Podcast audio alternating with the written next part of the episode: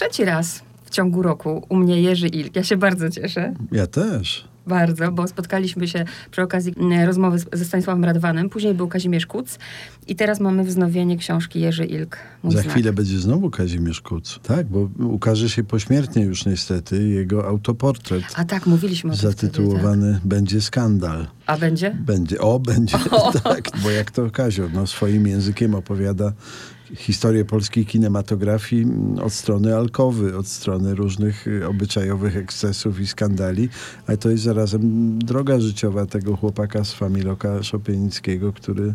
Czyli daje pan tak słowo, że się widzimy czwarty raz niedługo. Bardzo się będę cieszył. Wczoraj skończyłam książkę. Cały czas jak ją czytałam, to przychodziła mi do głowy fraszka Kochanowskiego. A propos pana, prawda? Gdzieżem nie był, czego mnie widział. Ja jestem w szoku. Ja jestem w szoku. Czy pan wierzy? Myśmy o tym mówili, pamiętam, przy okazji rozmowy ze Stanisławem Radwanem, ale powtórzmy to jeszcze raz. Pan wierzy w znaki, prawda? W przeznaczenie. Ja inaczej bym powiedział. Ja wierzę w to, że nie ma przypadków. Że to, co nas spotyka, to spotyka nas z jakiegoś powodu i spotyka nas po coś. I na przykład mój los y, y, człowieka wyrzuconego w stanie wojennym z Uniwersytetu Śląskiego jest dla mnie takim znakiem, że trzeba było zapłacić taką cenę, wysoką wtedy, no bo to było, to było właściwie wilczy bilet. Papiery, jakie miałem, że stanowię niewłaściwy wzorzec osobowy, negatywnie oddziałuje wychowawczo i tak dalej. Nie miałbym co marzyć o pracy wtedy w kulturze czy w oświacie.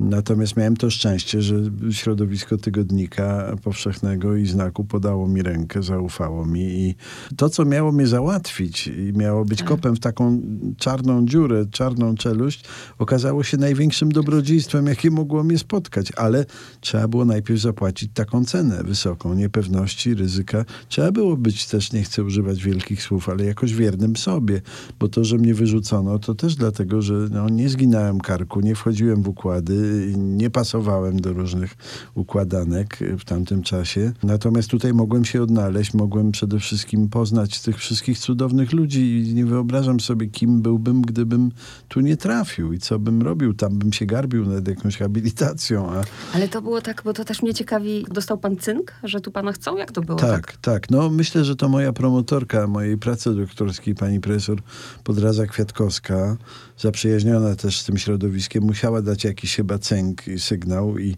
i Stefan Wilkanowicz, ówczesny redaktor naczelny miesięcznika Znak, no, zapragnął mnie zobaczyć.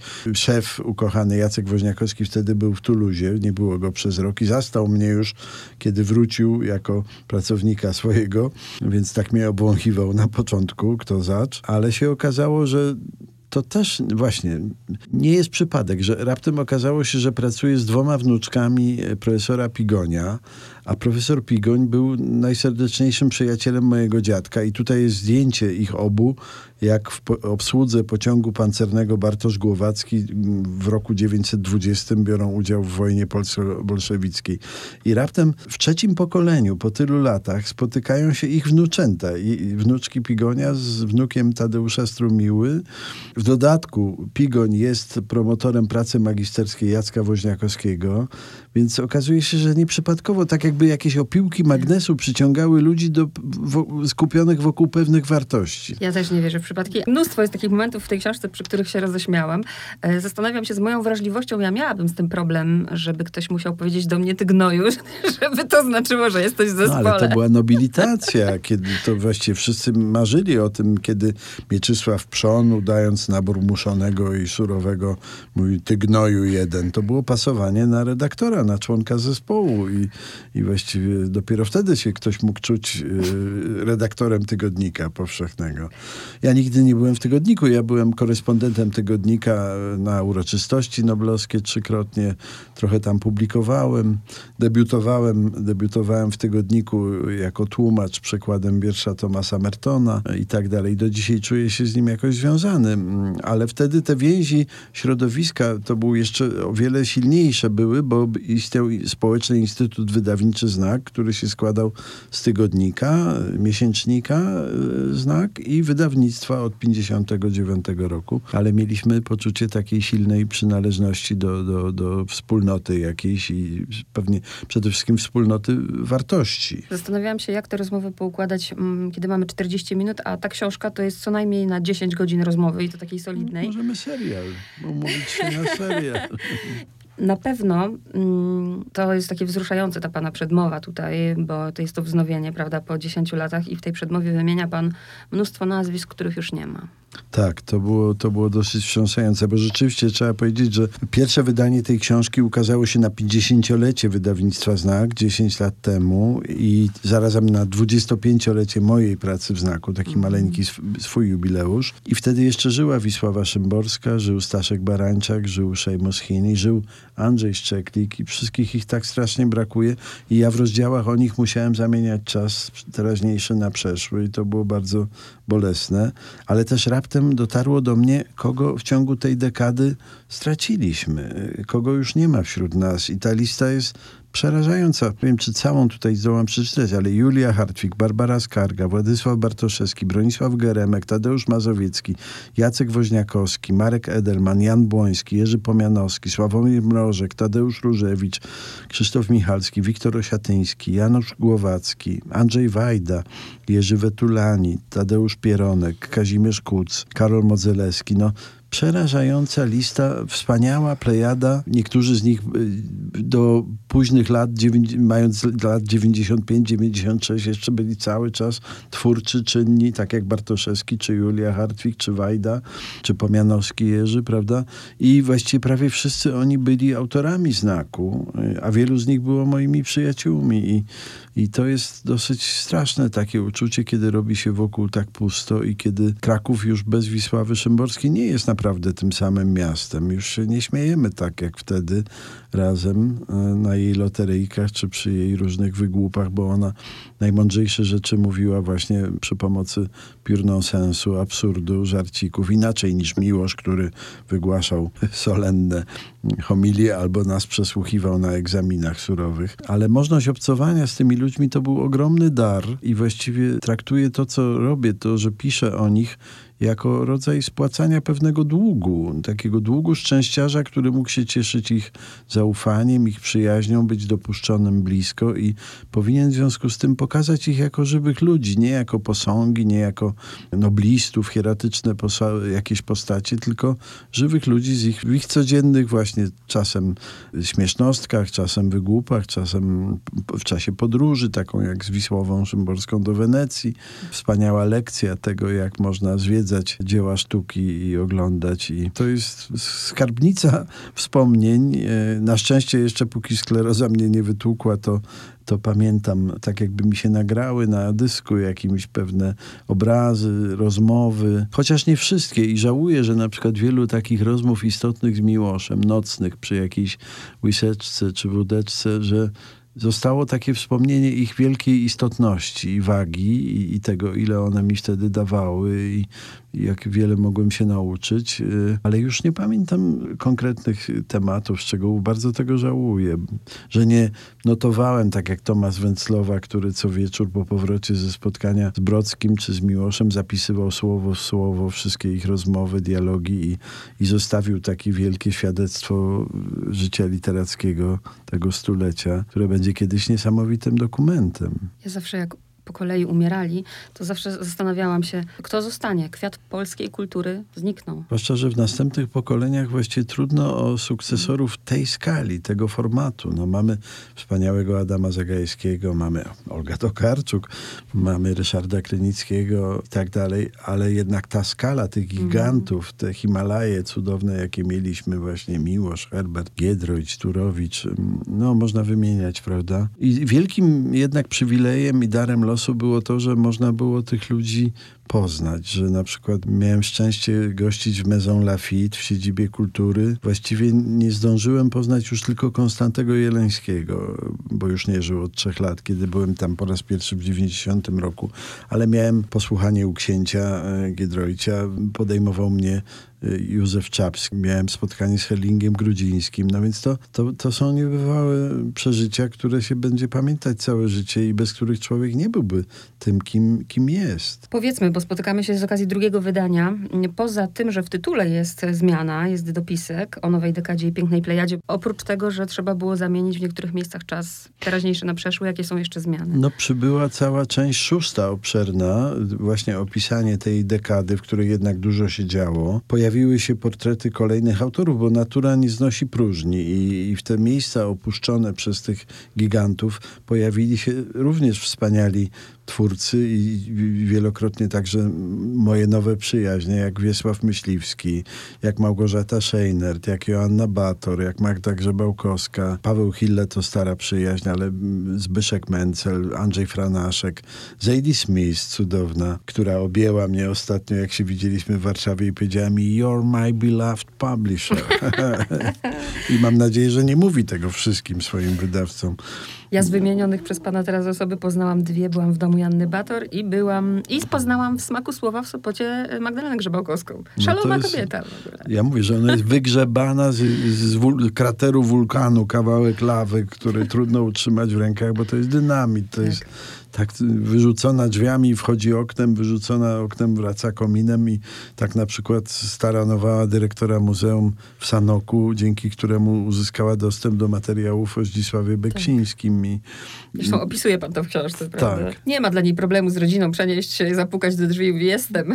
Oczywiście. nie ma wyjścia. Albo zrobić mi coś takiego, co mi zrobiła w Gdyni, kiedy mieliśmy po sobie spotkania na festiwalu literackim i na nią przyszło oczywiście dużo więcej ludzi. Ja chciałem po angielsku dyskretnie się ulotnić, bo miałem kolację, tam już Paweł Hille czekał z kolacją, więc jak to się chce zniknąć cichutko, ręka na klamce, już prawie się jest za drzwiami, a Magda raptem przerywa spotkanie i mówi, a pan już wychodzi? I cała sala obraca się na mnie, oczywiście spoconego, czerwonego. No jak takiej, jak takiej nie kochać? Ta książka to ludzie, no nie można pominąć. O wielu nie, po, nie powiemy, no ale Czesław Miłosz, Wisława Szymborska, chociaż po, po dwa takie wspomnienia takie naj, najbardziej wyraziste, chociaż jest ich milion. O Boże, jest ich bardzo dużo rzeczywiście. Bo to też trzeba powiedzieć, że znak y, ma szczęście, ma, miał bo tym razem Olga Tokarczuk, wydawnictwo literackie, prawda? Ale tak, no myśmy jedną jej tak. książkę tak. wydali w tym projekcie światowym Mity. No z Wisławą mogę powiedzieć coś, że chyba najpiękniejszy komplement, jaki w życiu usłyszałem, to był taki, mianowicie e, wiadomo było, że Wisława ma ten swój prywatny panteon takich e, ludzi, których marzyłaby, żeby poznać. Jednego z nich już poznać nie mogła, bo to był Thor Heyerdahl, twórca Kontiki, tratwy Kontiki, ale pozostali to był Woody Allen. Mój ukochany reżyser reżyser. Mm. Jane Goodall od szympansów i Wacław Havel. I do spotkania z Hawlem udało się doprowadzić, kiedy zaprosiliśmy go do Krakowa. Była akcja Havel na Wawel. Tam była konferencja prasowa. Potem w naszym Havel brał udział w spotkaniu Dorwać Mistrza z Kazimierzem Kucem, Adamem Michnikiem. A w Ogrodach Znaku odbył się koncert legendarnej grupy Plastic People of the Universe. I Havel stojąc na tarasie dworu łowczego naszego powiedział do mnie, popatrz, znamy się już z nimi 30 lat, ale nigdy mi nie zaproponowali, żebym z nimi wystąpił. Ale Wisława był, była z nim na obiedzie, byliśmy w hotelu Kopernikus i przyszła tam, to było rozczulające, bo tak jak Wałęsa nosi w klapie Matkę Boską zawsze, to Wisława przyszła z taką rameczką w obrazku, tam był Wacław Havel, jego portrecik i na pożegnanie powiedziała mu, jaka to szkoda, że nie ma pan brata bliźniaka. Natomiast mnie kiedyś y, po jakiejś wódeczce, tak się przyglądając, powiedziała, wiesz, właściwie gdybym cię nie znała, to byłbyś piąty. Więc czegoś piękniejszego tak, już na pewno od nikogo nie usłyszę. Natomiast jak już się tak nieskromnie tutaj przechwalam, to z Miłoszem może przytoczyłbym dwie dedykacje, y, które mam w książkach jego. Mianowicie zapomniałem o tej dedykacji i kiedyś wyciągam z półki trzeci tom wierszy w naszych dziełach. Patrzę, a tam jest dedykacja i wtedy sobie przypomniałem ten moment, kiedy ją otrzymywałem. Mianowicie Czesław napisał demonowi, który nie wie, że jest demonem. To daje do myślenia. A ja spojrzałem na to i mówię, no zaraz, panie Czesławie, ale gdzie jest przecinek przed który, przed że, bez redaktora ani kroku. To była jedna, a druga, no to była poważniejsza historia, mianowicie ostatni tom jego wierszy, Druga Przestrzeń, bo on zawsze dzielił swoje książki pomiędzy wydawnictwo literackie i znak, ale wiersze były dla niego najważniejsze i te powierzał mnie, te powierzał znakowi. I w drugiej przestrzeni napisał i wręczył to, spoglądając mi znacząco w oczy, przewoźnikowi Haronowej Łodzi. No, to jest, to jest coś, to ma swój ciężar jakiś. Ale pan jako redaktor, jako wydawca, no to łatwy nie był, nie jest. Nie wiem, jak jest dzisiaj, ale te żarty i dowcipy, zastanawiam się, kto, się nie, kto nie miał poczucia humoru, a Miłosz chyba kiepsko z tym poczuciem humoru u niego Różnie bywało. Czasem to było ryzykowne. Wisławy na przykład nie bardzo się odnajdywał w tej atmosferze pure sensu kolacyjek Wisławy. Chyba nie był, pamiętam, zachwycony, jak Wisława wyrecytowała, napisała taką galerię y, pisarzy krakowskich. Tam był taki dwuwiersz. Tu Czesław Miłosz, groźna twarz, przechodniu odmów ojcze nasz. Czesław widziałem, że taki był hmm. średnio ten. No i historia z... czy w ogóle Wisława, y, przypomina mi się Moczopląs, prawda? Też pan niezły numer wywinął wtedy z tym tomikiem. No, ja rzeczywiście ryzykownie się zabawiałem, bo z Czesławem też była taka przygoda, że on miał takie ulubione zdjęcie y, Sally Mann, słynnej fotografki amerykańskiej, która zasłynęła między innymi serią zdjęć swoich córek, takich lolitek. I było takie zdjęcie, kiedy one, ona z dwoma tymi córkami, już takimi dorosłymi prawie, stoją rozkraczone na gusieńkie na pagórku i szczają takimi mocnymi strumieniami. Miłosza to zdjęcie jakoś niebywale frapowało. To nie było jakieś prymitywne oczywiście podniecenie, tylko dla niego to było takie zrzucenie gorsetu kultury, mhm. wyzwolenie, taki powrót do, do natury, do czegoś spontanicznego. Więc jak wydaliśmy jego piękny tomik To, to ja poprosiłem mojego przyjaciela Sławka Onyszkę, świetnego komputerowca, on mi zrobił taką obwolutę z tym zdjęciem Sally Mann, Czesław Miłosz, to, taki wielki czerwony tytuł i to zdjęcie tych, tych. I ja zadzwoniłem, panie Czesławie, są sygnalne egzemplarze, no to niech pan przyjeżdża. Obłożyłem y, tomik w tę obwolutę i mu wręczam to.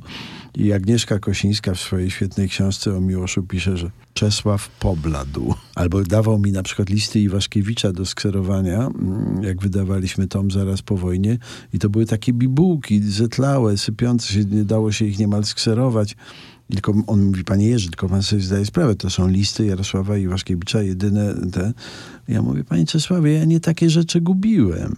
Dobra, nie dobra. wiem, czy to go uspokajało. A z, z Moczopląsem, no to jest piękna historia, bo odwiedzaliśmy Wisławę w Lubomierzu, gdzie spędzała letnie miesiące. I tam oczywiście ona otrzymywała też wszystkie swoje upiorne prezenty kiczowate, bo wszyscy znali jej zamiłowanie do kiczu. I dostała między innymi taką stojącą na postumencie figurę figurynkę Mannequin Peace, chłopczyka. Do, tej, do tego postumentu się nalewało pigwówki albo koniaku, albo jakieś nalewki. I jak się naciskało guziczek, to ten chłopczyk siusiał do kieliszków podstawionych.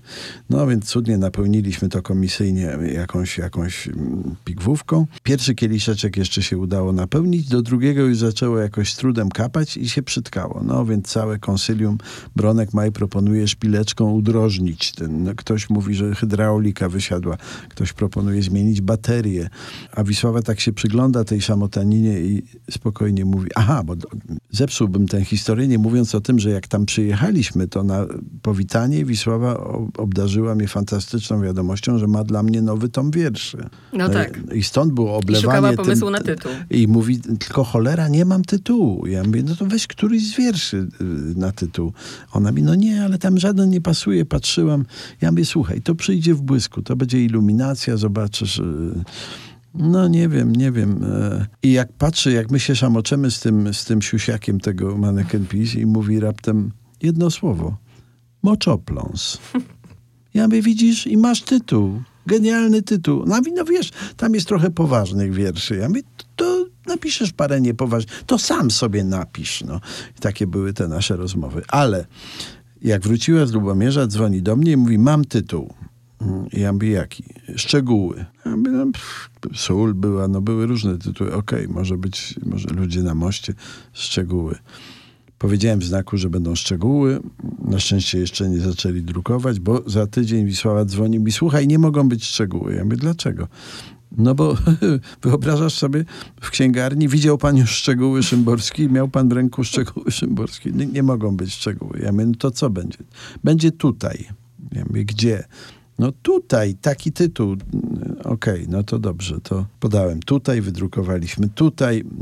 Zapowiedziany był wieczór z Tomaszem Stańką w Operze Krakowskiej, więc ja przygotowałem, w drukarni poprosiłem, przygotowali mi trzy tomiki identycznej szaty graficznej e, i na okładce, na stronie tytułowej, na grzbiecie Wisława Szymborska, Moczopląs i plakat, wielki plakat, na którym ona z Tomaszem Stańką, zapowiedź tego wieczoru, że Wisława Szymborska przeczyta wiersze z nowego tomu Moczopląs. I ja dzwonię, ja mówię, wisełko, są już, są już jaskółki sygnalne. No to przyjeżdżaj, przyjeżdżaj. Przyjeżdżam przed południem. To były takie szokujące dla cudzoziemców wizyty, bo o 11 koniak leciał na powitanie i się załatwiało wtedy interesy. No i e, wyjmuję te tomiki i ona skamieniała. Mówi, co, co to jest? Ja mówię, słuchaj, ktoś tu musi myśleć marketingowo. To jest wspaniały tytuł, przecież e, jaki to jest cudowny neologizm. Jak to? No jak to? Ja mówię, i zobaczymy, co genialny Budegord wymyśli, jak on to przetłumaczy. To jest wyzwanie dla tłumaczy. Ale no i, i co? Ja mówię, no jak to co? No 20 tysięcy już jest w księgarniach. Ona się tak patrzy na mnie i mówi, ty wariat, ty jesteś kompletny wariat. Bo o ile miłość pobladł, ja się zastanawiam, czy oni później już, ona się nie domyśliła, że to żart? Na serio to wzięła? No początkowo absolutnie to kupiła, no bo wiedziała, że po mnie może się spodziewać najgorszego rzeczywiście, no. Pamiętam, jak kiedyś jej kazałem, ale poprosiłem ją, bo y, jak robiliśmy festiwal poetycki, to wieszaliśmy autografy poetów, powiększaliśmy do takich wielkich rozmiarów plakatów. Potrzebny był rękopis wiersza. I ja my Wisełku, potrzebny będzie jakiś twój rękopis. A ona mówi, ale ja nie mam żadnych rękopisów. Ja my to siadaj i pisz. No i ona wzięła książeczkę, otworzyła wiersz i zaczęła go przypisywać na kartce pracowicie i przepisała cały, ale ja my, co to jest? Jak to? Gdzie są jakieś skreślenia, jakiś mozuł twórczy? No, co tak, co to mamy? kreśliła posłusznie i tak powstawały niektóre autografy. W ogóle ja nie wiem, czy tak jest w każdym wydawnictwie, nie mam pojęcia jak jest, ale mm, jak się czyta tę książkę, to widać, że wytworzyliście taką, rodzina to może za duże słowo, ale na pewno taką, takie całe środowisko, w którym nie tylko o wydanie książki chodzi. No, ja zawsze mówiłem, że Znak to nie jest tylko wydawnictwo, gdzie się produkuje książki, tylko to jest pewne kulturotwórcze środowisko, by nie używać wielkich słów, że wokół tego dworku łowczego, w jego ogrodach odbywają się tak. różne imprezy, które, na, gdzie się spotykają nasi autorzy, nasi nasi współpracownicy, nasi czytelnicy, y, nasi przyjaciele i w tych ogrodach naprawdę koncertował Jacek Kaczmarski, koncertował Grzegorz Turnał, byli klezmerzy, byli łopuśnianie, byli właśnie plastiki. Y, tam się masę rzeczy działo wspaniałych. Łakowski śpiewający arię. No, arię to śpiewał w szkole teatralnej na naszym kabaretowym, tym jubileuszu 40-lecia. Tak, tak, tak, 40-lecia, tak. Bo to też jest chyba y, pewien fenomen i specyfika. Nie wyobrażam sobie, że to może zabrzmieć nieskromnie, ale nie wyobrażam sobie, żeby było na świecie wydawnictwo, które byłoby w stanie wystawić pełnowymiarową rewię kabaretową na takim poziomie z udziałem tak niesamowitych autorów. No, jak dzwoniłem do Niny Terentiew, wówczas wszechmożnej carycy w telewizji polskiej i mówiłem jej, pani Nino, lista obecności, Wisława Szymborska, Leszek Kołakowski, Norman Davis, Jacek Woźniakowski, Grzegorz Tur, wystarczy pani Jerzy, wchodzę w to. Wiedziała, że nie będzie miała takich nazwisk za żadne pieniądze. E, I dzięki temu to, zostało to utrwalone. Przyjeżdżał wóz transmisyjny, cztery kamery, profesjonalnie y, zrealizowany ten. No, pani Lola, legendarna Bronisława Maja, który skradł show wszystkim, ale trzy godziny publiczność konała, panie spłakała, spłakany makijaż na kolanach, bo ci uczeni mężowie nie bali się śmieszności, znając swoją wartość profesor Stróżewski z Markiem Wojdyłą, duet fortepianowy Marek i Władek, brawurowo grający e, różne standardy. E, duet Turnał and Turnał, Grześ ze swoim wujem, cudownie, który Monty Python nigdy nie miał takich, takiej, takiej postaci jak wuj, wuj Turnał. E, I tak dalej, i tak dalej. I, i, i, i cudownie się bawiliśmy, e, wygłupialiśmy, ochociliśmy się potem robiąc następną taką klinikę doktora Szczeklika i urodziny 60. Andersza Budegorda w, w fantastycznym składzie. I ja muszę powiedzieć, że ja żyłem przygotowywaniem tych imprez. Y, to trwało oczywiście czasem miesiącami całymi, były próby, była ta magia sceny y, i kulis teatralnych, to jest rodzaj narkotyku. Także nazajutrz, jak już było po premierze, po tym jednorazowym szaleństwie. Ja wracałem do swojego biurka, patrzyłem na ten stos maszynopisów i sobie pomyślałem, Boże, jaka nuda, teraz znowu trzeba się będzie zajmować tymi papierzyskami, bo ta scena dawała takie poczucie naprawdę narkotyku, adrenaliny, czegoś takiego. I słuchaczom od razu mówię, że tu jest milion historii, nazwisk, których przecież nie wymienię, bo każdemu z osobna poświęca pan tych kilka stron. Miłosz Szymborska-Barańczak, Kołakowski. No, ale jak leżałem pod kołderką z Joanną o, Bator na przykład. Niestety tylko jedyną autorką, z którą mogłem, bo to z powodu bezsenności. Mieliśmy napisać taką antologię tekstów o bezsenności. Japanna. Więc zabrałem Japannę w skałki Twardowskiego, wywiozłem tam całą swoją sypialnię, pościel, obrazy, budzik, butelkę whisky. Zrobiliśmy taką sypialnię i Adam Golec nam zrobił fantastyczną sesję zdjęciową, z której zdjęcia, zdjęcia można, można obejrzeć tutaj oczywiście. obejrzeć. My w piżamach, ona w kimonie japońskim, jak to przystało na Japannę. Ale muszę jeszcze trochę o samo wydawnictwo, bo to też jest takie fascynujące. Jak to wygląda tak technicznie? W tej chwili ile jest wydawanych tytułów rocznie przez znak? O Boże, Ponad 300? Już, wie pani, ja kiedyś, tu chyba napisałem, że 350. kiedyś to była taka mała awionetka, gdzie się słuchała sterów, można było kręcić pętle, beczki. Natomiast teraz to jest już taki ciężki jumbo jet, który utrzymać na tym pułapie, poderwać w powietrze, utrzymać i bezpiecznie lądować, to już jest, na szczęście jest sztab świetnych fachowców i zaangażowany bardzo zespół mm, bo to już jest prawie korporacja. Tam już w sumie we wszystkich tych imprintach znaku już pracuje prawie 300 osób. Miesięcznik znak jest, jest wydawnictwo otwarte, nasza córka.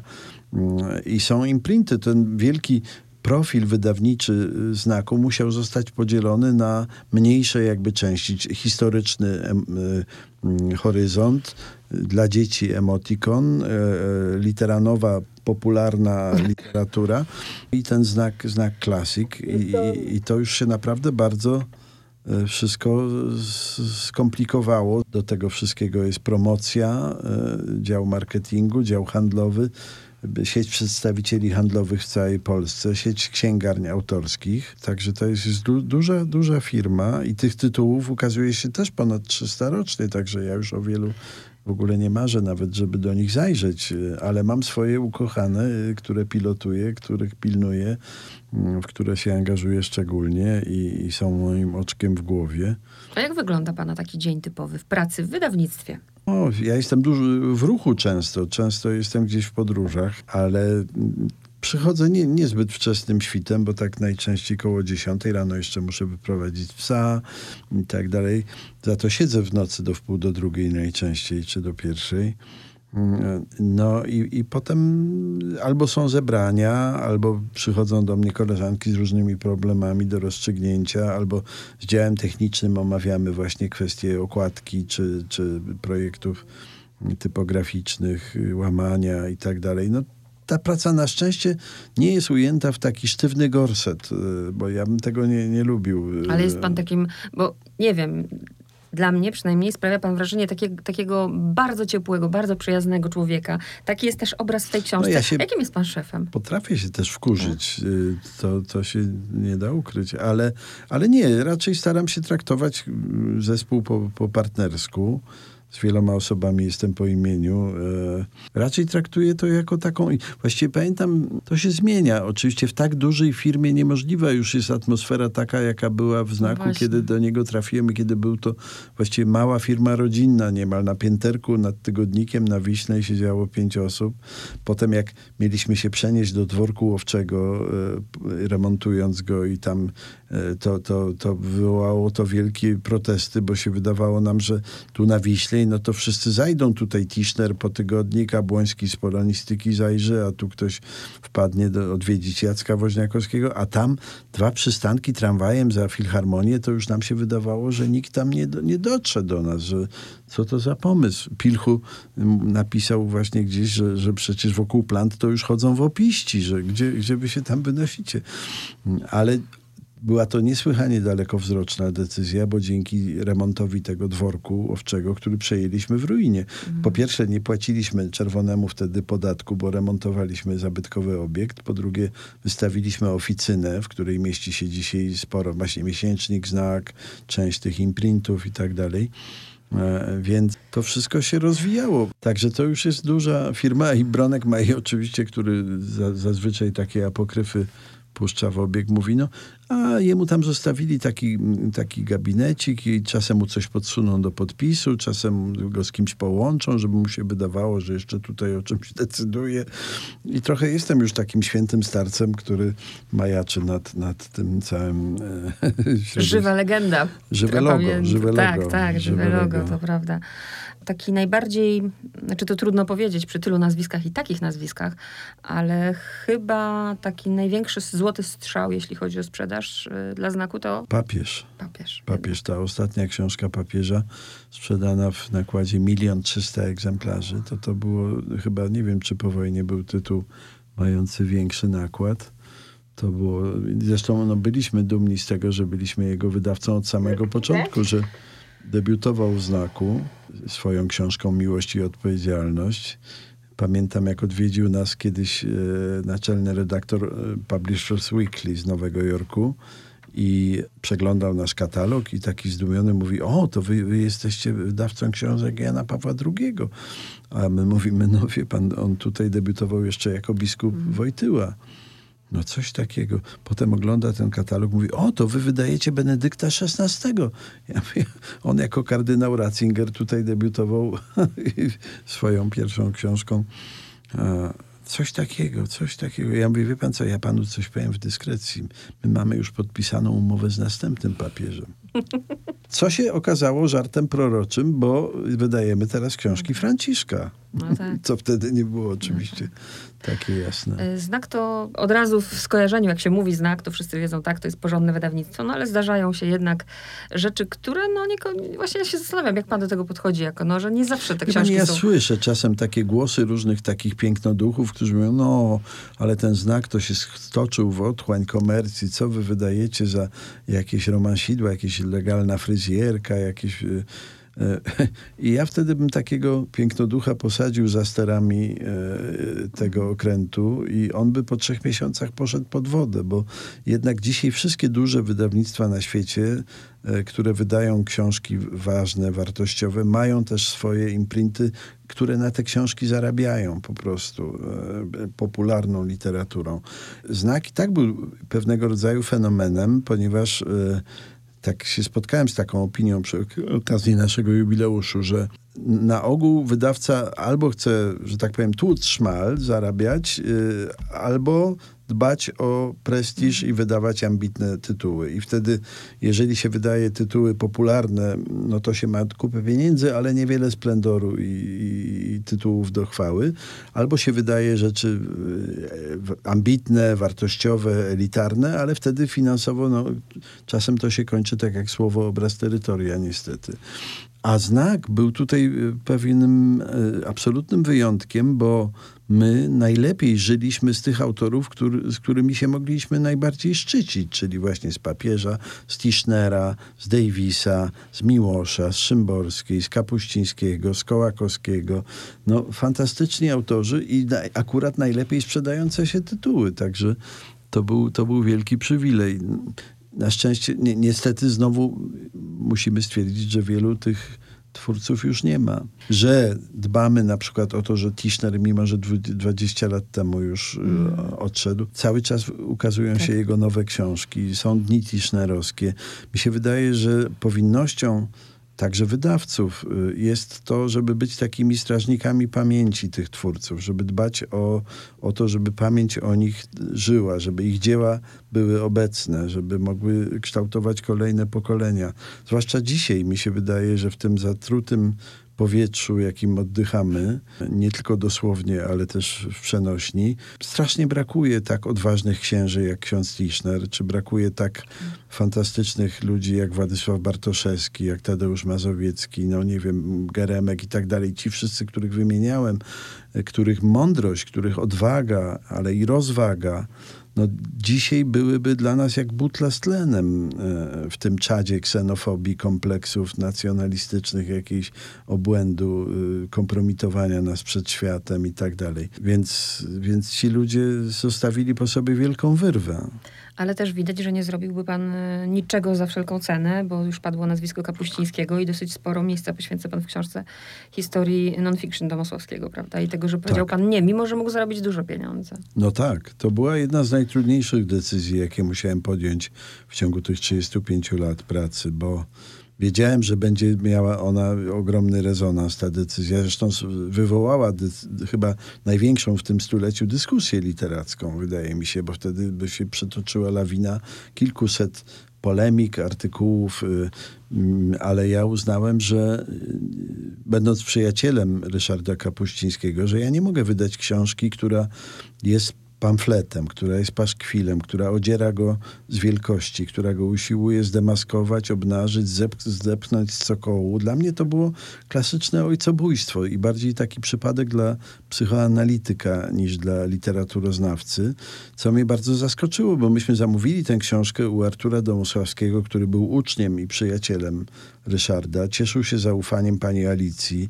Miał dostęp do jego domowego archiwum, gdzie był zostawiany sam i był uważany za domownika.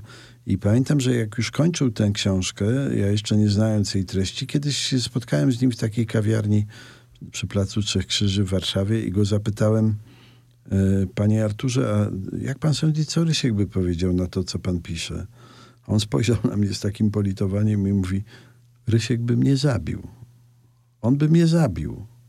I tutaj mi się zapaliły jakieś kontrolne lampki y, i czekałem na y, pierwszy wydruk tej książki i rzeczywiście stwierdziłem, że to było coś niesamowitego, że, żeby tyle pracy włożyć, y, gromadząc materiał, y, który ma być, okazuje się materiałem dowodowym. Ma, ma tego, robić z tego Ryszarda małego człowieka, konformistę, który świetnie y, surfuje po korytarzach władzy, wykorzystuje swoje układy, który zataja to, co myśli, żeby uzyskać od ludzi jak najwięcej informacji. No, obrzydliwy wizerunek y, no i po prostu stwierdziłem, że ja nie mogę takiej książki wydać.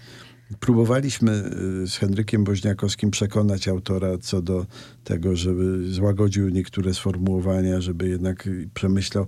On uznał to, że to jest próba cenzurowania go i, i bezkompromisowo wydał tę książkę Świat w świecie książki, książki, tak, gdzie, o którym wcześniej mówił, że nie chce słyszeć więcej jako wydawcy. No i oczywiście ona odniosła wielki sukces na fali też tego skandalu i decyzja, e, właśnie to, że Znak odmówił wydania tej książki, podzieliła zresztą bardzo środowisko, bo były bardzo różne głosy. Mm, e, Bo chodziło też o pieniądze, krótko mówiąc, biznes jest biznes. ale Miał- dyskusja dotyczyła tego, co wolno biografowi. Na ile Mhm. biograf może wkraczać w życie prywatne swojego bohatera, obnażać tam, mówić o skrobankach jego Mhm. kochanek, czy o y, dramatycznych relacjach z córką, z którą nawet nie porozmawiał. E, Ja uznałem, że to jest naruszenie pewnych reguł i że przyzwoitość jakby nie pozwala przekraczać takich granic. I tutaj toczyła się wielka dyskusja, byli zwolennicy obu takich e, stanowisk. Druga dotyczyła właśnie e, stosunku reportażu do prawdy. Na ile reportaż może też e, uzupełniać fakty e, rodzajem fikcji literackiej, czy literackiego jakiegoś, uzupełniać je dla efektu takiego artystycznego. I to też oczywiście są kwestie, o których można dyskutować, no ale nie w taki sposób pełen insynuacji, retorycznych pytań, które sugerują jednoznacznie małość bohatera i krótko A mówiąc, i, i wtedy i wtedy nie, nie. Wtedy ja odmawiałem wszelkich komentarzy, bo y, oczywiście wrzało, dzwonili do mnie liczni dziennikarze z prośbą o komentarz. Ja po pierwsze uważałem, że negocjacje między autorem a wydawcą są ich poufną y, sprawą i to nie, nie, nie należy tego wynosić do, do mediów. A po drugie, nie chciałem przyczyniać się do, do reklamy tego dodatkowo jeszcze tego całego zgiełku wokół tej książki. Ona się świetnie sprzedała, ale na przykład przyjaciele Ryszarda, tacy jak Martin Polak, czy, czy Vera Verdiani, czy Francesco Cataluccio, odmówili tłumaczenia tej książki i odradzali jej wydanie y, w swoich krajach. Ona oczywiście się tam ukazała i Domosławski wiedział, że o ile jego wcześniejsze książki nie zawojowały świata, to biografią Kapuścińskiego on może zrobić, e, on może zrobić karierę i mm, tylko pozostaje to dla mnie pewnym, pewnym fenomenem. To są takie zagadki, które w ludziach tkwią. Dla, tak jak na przykład nigdy nie zrozumiem tego, co zrobił Ryszard Terlecki, denuncjując czy e, lustrując własnego ojca. E, nie mieszczą mi się w głowie po prostu pewne, pewne sytuacje. Wyjaśnia pan to obszernie, aczkolwiek cała książka, zresztą pan to sugeruje. To jest zresztą że... jedyny w tej książce taki fragment, który, bo ja skrzętnie dbałem o to, żeby ta książka była książką no pełną dobrych wibracji, tak. żeby to była książka o przyjaźni, ciepła, yy, żeby tu nie było żadnego załatwiania porachunków, żadnych negatywnych op opinii i właściwie po 10 latach zdecydowałem się opowiedzieć tę historię, jak, nie, jak uniemożliwiłem wydanie biografii Kapuścińskiego, bo y, uważałem, że gdybym to przemilczał, to byłoby to też jakiś rodzaj hipokryzji i tchórzostwa. I uważałem, że takie świadectwo trzeba w końcu kiedyś dać i na, uzasadnić swoją decyzję, poprzeć ją argumentami. I to robię w tym obszernym epilogu. 35 lat w znaku. Jak pan widzi dalej? przyszłość? No, jestem już emerytem, z którym na szczęście nazajutrz odnowiono stosunek pracy i ciągle wydaje mi się, że jestem, mam nadzieję, że jestem tam potrzebny. E, I ciągle mam autorów, i pomysły i kontakty, z których wynikają kolejne tytuły. Nie wyobrażam sobie bezczynności. Żyję, to jest moje życie. Tak. To nie jest praca, to jest życie. Nie ma co mówić, że tam znak to ja, bo to byłoby idiotyczne, ale ale rzeczywiście pamiętam, jak mnie kiedyś śmieszyły telefony jakichś łowców głów, którzy dzwonili pytając, czy nie chciałbym się przenieść do Warszawy i objąć jakiegoś tego. Ja mówię, panowie, po pierwsze, tylko Kraków jest możliwy, a po drugie, akurat tę pracę zawsze traktowałem jeszcze jako coś y, szczególnego, mianowicie wiedziałem, że podano mi tutaj rękę w najtrudniejszym momencie mojego życia i że to do czegoś zobowiązuje. I, i bardzo się utożsamiam z tym, z tym zjawiskiem, jakim jest znak, cały ten krąg, całe to środowisko i, i tyle, ile mogłem siebie dać, tyle, tyle wydawało mi się, że dałem. Tak, pytano mnie czasem, jak to było możliwe, że udało mi się przeniknąć do takiego elitarnego, hermetycznego środowiska, które uważane było za taki salon właściwie zamknięty, krakowski. I jak to było możliwe, że ktoś tam ze Śląska się tutaj raptem odnalazł. Ale mi się wydaje, że jeżeli się ma coś do zaoferowania, jeżeli się jest otwartym, jeżeli się ma jakieś pomysły, no to, to od ciebie zależy, czy jesteś w stanie coś zaoferować i na szczęście to zostało jakoś docenione czy zaakceptowane i po Jacku Woźniakowskim raptem zupełnie dla mnie nieoczekiwanie, bo to była ostatnia rzecz, jakiej bym się spodziewał i do jakiej bym w ogóle dążył, bo byłem redaktorem, najpierw dojeżdżającym z Katowic mhm. na kolegie redakcyjne. W życiu mi się nie śniło, że po Jacku Woźniakowskim zaproponują mi stanowisko redaktora naczelnego. A to nastąpiło w 1992 roku, więc szczęśliwie już e, niedługo będzie 30 lat. Właśnie gdzieś tam pan opisuje po kolei, jak pan y, tam zamieszkiwał, dojeżdżając u różnych ludzi i gdzieś tam wyczytałam u kogoś na Dębnikach pan nocował, w jakimś takim... No u Basi Poźniakowej, no wnuczki właśnie Zastanawiałam się, gdzie dokładnie na Dębnikach, bo tam teraz mieszkam, nie? I się zastanawiałam aha. właśnie, gdzie, nie? Na ulicy Jaworowej. A, proszę, to, no, no. przechodząc pomyślę, że to tutaj. Tak. No, niesamowita historia i w ogóle życie i podróże tutaj, mówię, wątków jest y, od groma. Y, za 10 lat kolejne wznowienie? Miejmy nadzieję, tak tutaj się kończy to taką galerią zdjęć z naszego tak. jubileuszu tak. 60-lecia, który był tak. w ogrodach znaku, piękne garden party tak. i wystąpili nasi autorzy cudowni, właśnie Małgorzata Szejnert w duecie z Magdą Grzebałkowską, czy Sylwia Hutnik z Ewą Winnicką. Oczywiście prowadziliśmy to z Wojtkiem Malajkatem, Dorotka Segda, Zygmunt Konieczny dyrygował odwódkami Szymborskiej. Stanisław Radwan zrujnował sobie reputację, bo na czas skomponował muzykę do dwóch wierszy Barańczaka i Rusinka, które były wykonane przez chór naszych y, Radwaniołek, aniołki Radwana, tak. czyli Radwaniołki. No więc y, wydawało mi się chwilami, że ten duch zabawy już musiał nas opuścić, że to już nie jest czas teraz na, na takie wygłupy, y, zabawy, ale ale na przykład jubileusz Henryka Woźniakowskiego, 40-lecia, kiedy przygotowaliśmy mu jako kompletną niespodziankę taki wieczór w Radio Kraków, no to, to okazało się, że rzucenie takiego hasła wyzwala w ludziach od razu masę twórczych jakichś entuzjazmu, e, kreatywnych pomysłów i, i to jest jakaś dla mnie wielka wartość, której nie wyobrażałbym sobie, żebym mógł to realizować w innym zespole, w innym wydawnictwie, w innym miejscu. A jedna z ważniejszych, ale tu się niestety autor nie zgodził na rozmowę. Nie wiem, czy miałabym odwagę. Wiesław Myśliwski się nie zgodził. Aha. Ucho igielne, przepięknie wydane z ilustracjami, prawda? No to jest trudny partner. Tak. Ja muszę powiedzieć, że z nim też sobie pozwalam na, na takie historie, na przykład wspomagając naszą promocję. Dzwonię do niego, ja mówię, Wiesiu, Nasza promocja się genialnie spisała. Masz 12 spotkań autorskich i 13 wywiadów. I słyszę takie, ja cię zabiję. Ja mówię, no widzisz, i teraz jak ci powiem, że masz dwa spotkania i trzy wywiady, to będziesz zadowolony, prawda? I takimi fortelami e, czasem trzeba się e, do takich forteli uciekać, żeby, żeby coś uzyskać. No, ale właśnie też uważam to za wielkie szczęście, że mogę się cieszyć jego jego przyjaźnią, e, bo nie boję się tutaj użyć tego słowa.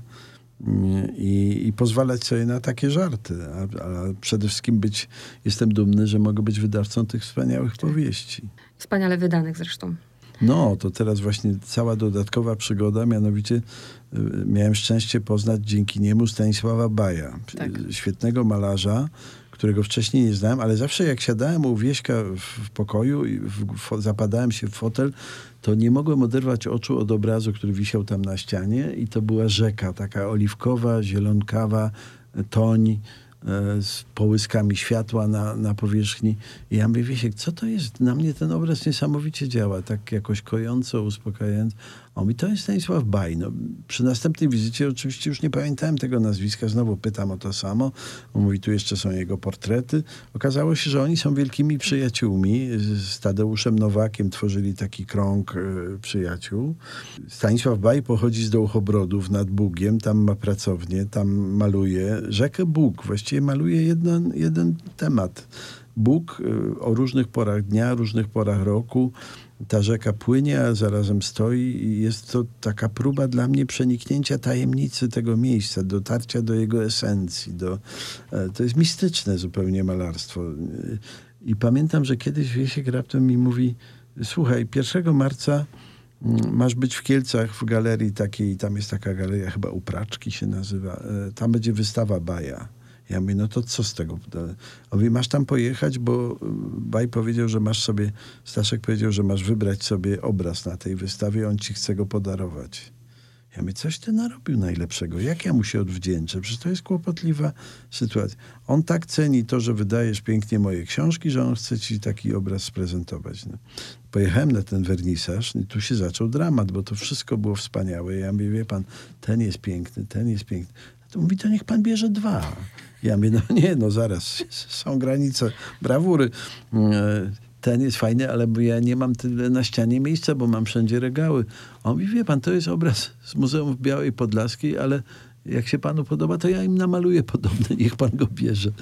Cudowny człowiek, niesłychanie skromny, niesłychanie skromny. Byłam na spotkaniu właśnie w Muzeum Etnograficznym. Wtedy. Z trudem wielkim wybrałem jeden obraz yy, i on mówi, to przyje, niech pan przyjedzie na finisaż i jak będziemy rozbierać tę wystawę, to pan sobie go zabierze.